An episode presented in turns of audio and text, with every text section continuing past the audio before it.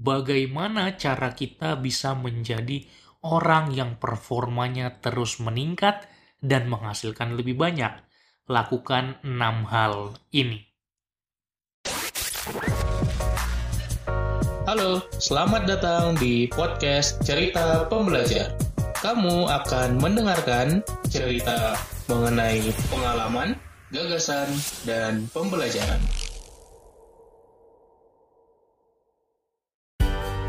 Cerita Pembelajar Season 11 Great Book Ideas Insight buku pengembangan diri yang akan mengubah hidupmu.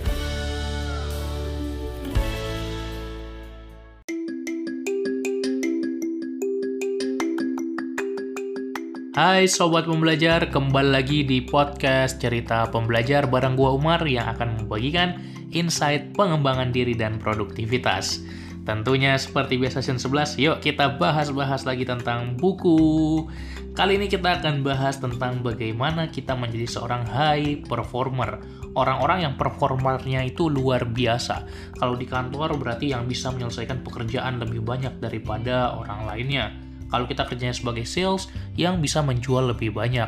Kalau kita sebagai pebisnis, yang bisa menghasilkan income lebih banyak, revenue lebih banyak. Bagaimana cara kita bisa menjadi high performer? Nah, diteliti oleh sebuah penelitian di bukunya Brandon Bar Brandon Burchard, si nama orang Brandon Burchard ya. Jadi bukunya adalah High Performance Habits yang mana ada 6 kunci orang-orang high performer yang disebut sebagai high performance habits. Nah, ada sebuah model namanya HP6 ya atau high performance 6 yang mana 6 kebiasaan ini kalau kita lakukan akan meningkatkan performa kita di hidup dan pekerjaan kita. Oke, ada dua kategori. Personal habits dan social habits. Yang personal habits nomor 1, 2, 3, 4, 5, 6 adalah social habits. Oke, jadi kita mulai dari yang pertama. Yang pertama adalah clarity. Seek clarity itu artinya mencari kejelasan. Kita harus tahu dengan jelas, clarity gives power ya.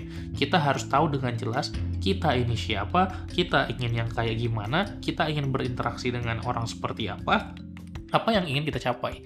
Kalau dari awal kita nggak punya goal, nggak punya purpose, nggak tahu apa yang kita cari, ya udah mau gimana pun kerjaan kita, kita nggak akan semangat, nggak akan termotivasi, jadi semua itu dimulai dari kejelasan apa sih yang sebenarnya kita kejar. Oke, okay? kita perlu be intentional, benar-benar punya intensi, punya target, punya keinginan yang jelas terhadap pemikiran dan aksi kita. Saran gue ketika kita memulai suatu hari, kita harus punya kejelasan hari tersebut kita mau ngapain, apa target-target kita, punya jadwal, punya daftar tugas, jangan hanya lewati hari berdasarkan arus saja. Oke. Kemudian yang kedua adalah bagaimana kita punya generate energy. Generate energy ini bagaimana kita bisa menghasilkan energi yang cukup untuk menjalani hari.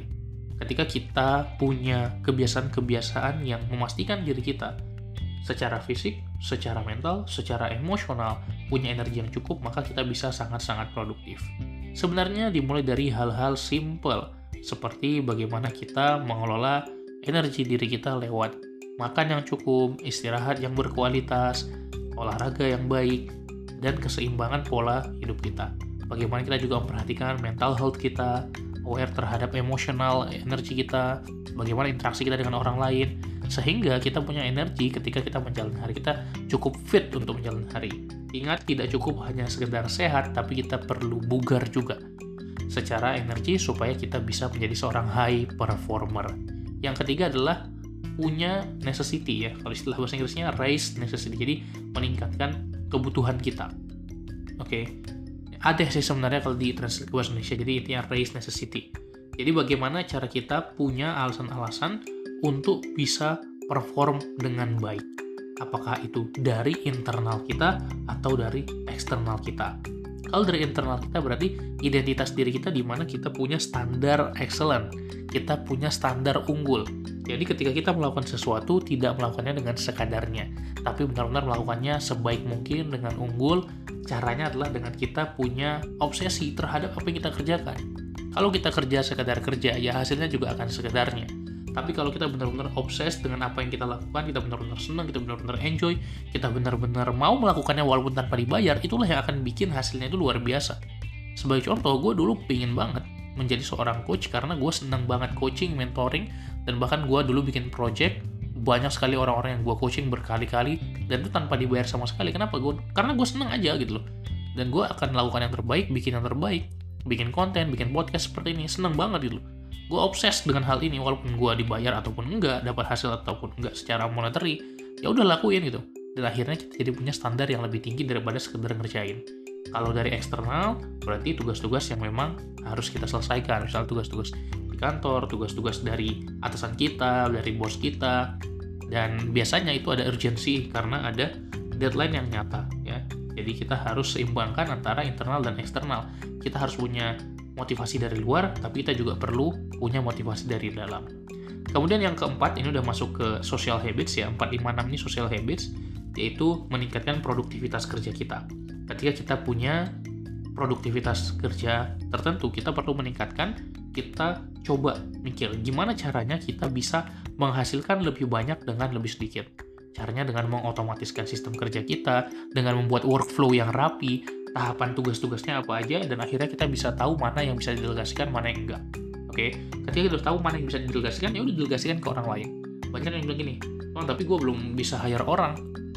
Ya udah kalau misalnya belum bisa kita coba minta tolong ke teman kita atau kita barter pekerjaan. Sebagai contoh gini kalau misalnya pekerjaan kita A B C dan teman kita punya pekerjaan D E F kita nggak jago banget ngerjain B dan C. Maka kita suruh teman kita ngerjain B dan C dan kita ngerjain E dan F yang kita jago gitu loh kita bisa aja tukeran kerjaan dan kalau kita udah mendokumentasikan pekerjaan kita dengan baik kita bisa minta bantuan orang lain dan kita juga bisa ngebantu orang lain sehingga masing-masing orang mengerjakan sesuatu yang ada dalam zona jeniusnya yang merupakan hal-hal yang disukai, enjoy, dan jago di situ. Jadi kita memang perlu mikirin terus gimana caranya kita ningkatin produktivitas diri kita. Kemudian yang kelima, bagaimana kita develop influence, bagaimana kita mengembangkan pengaruh ke orang lain. Ada juga podcast yang udah gue upload yaitu tentang bukunya How to Influence and Influence People. Very very recommended, silahkan dengerin. Jadi bagaimana cara kita kasih pengaruh ke orang lain dengan cara kita tertarik ke orang lain, membangun interpersonal yang bagus, bagaimana kita melatih hubungan kita dengan orang lain, relationship manajemennya oke, okay. dan ketika kita punya pengaruh ke orang lain, kita akan bisa jauh lebih produktif, jauh lebih perform, karena ketika kita udah delegasikan, kita bisa memotivasi orang lain, menggerakkan orang lain untuk melakukan sesuatu sesuai yang kita inginkan, maka kita akan bisa mencapai satu visi bersama. Yaitu adalah basis dari tim, basis dari teamwork, dan membangun bisnis selalu bagaimana cara kita sebagai leader bisa membangun pengaruh ke orang kan. Kemudian yang terakhir yang keenam adalah kita mendemonstrasikan keberanian. Kita menunjukkan bahwasanya kita berani, kita punya courage ya. Gimana caranya? Kita bisa melakukan honor the struggle.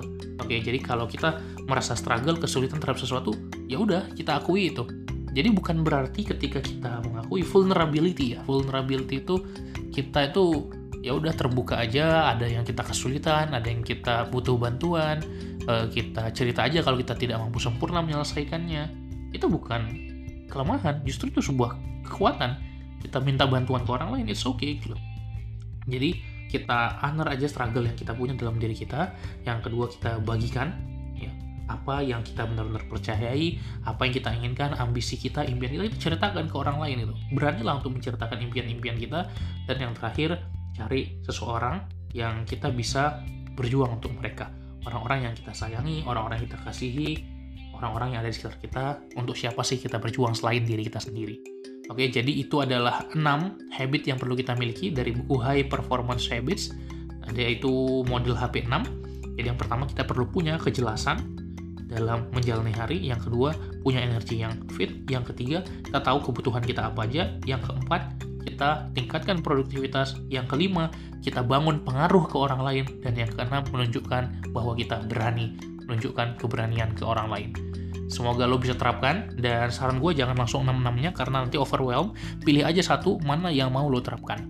Oke, kalau lo udah punya satu yang mau lo terapkan, silahkan lakukan sebaik mungkin untuk mempraktekannya. Semoga episode ini bermanfaat dan sampai jumpa di episode-episode lainnya. Salam pembelajar.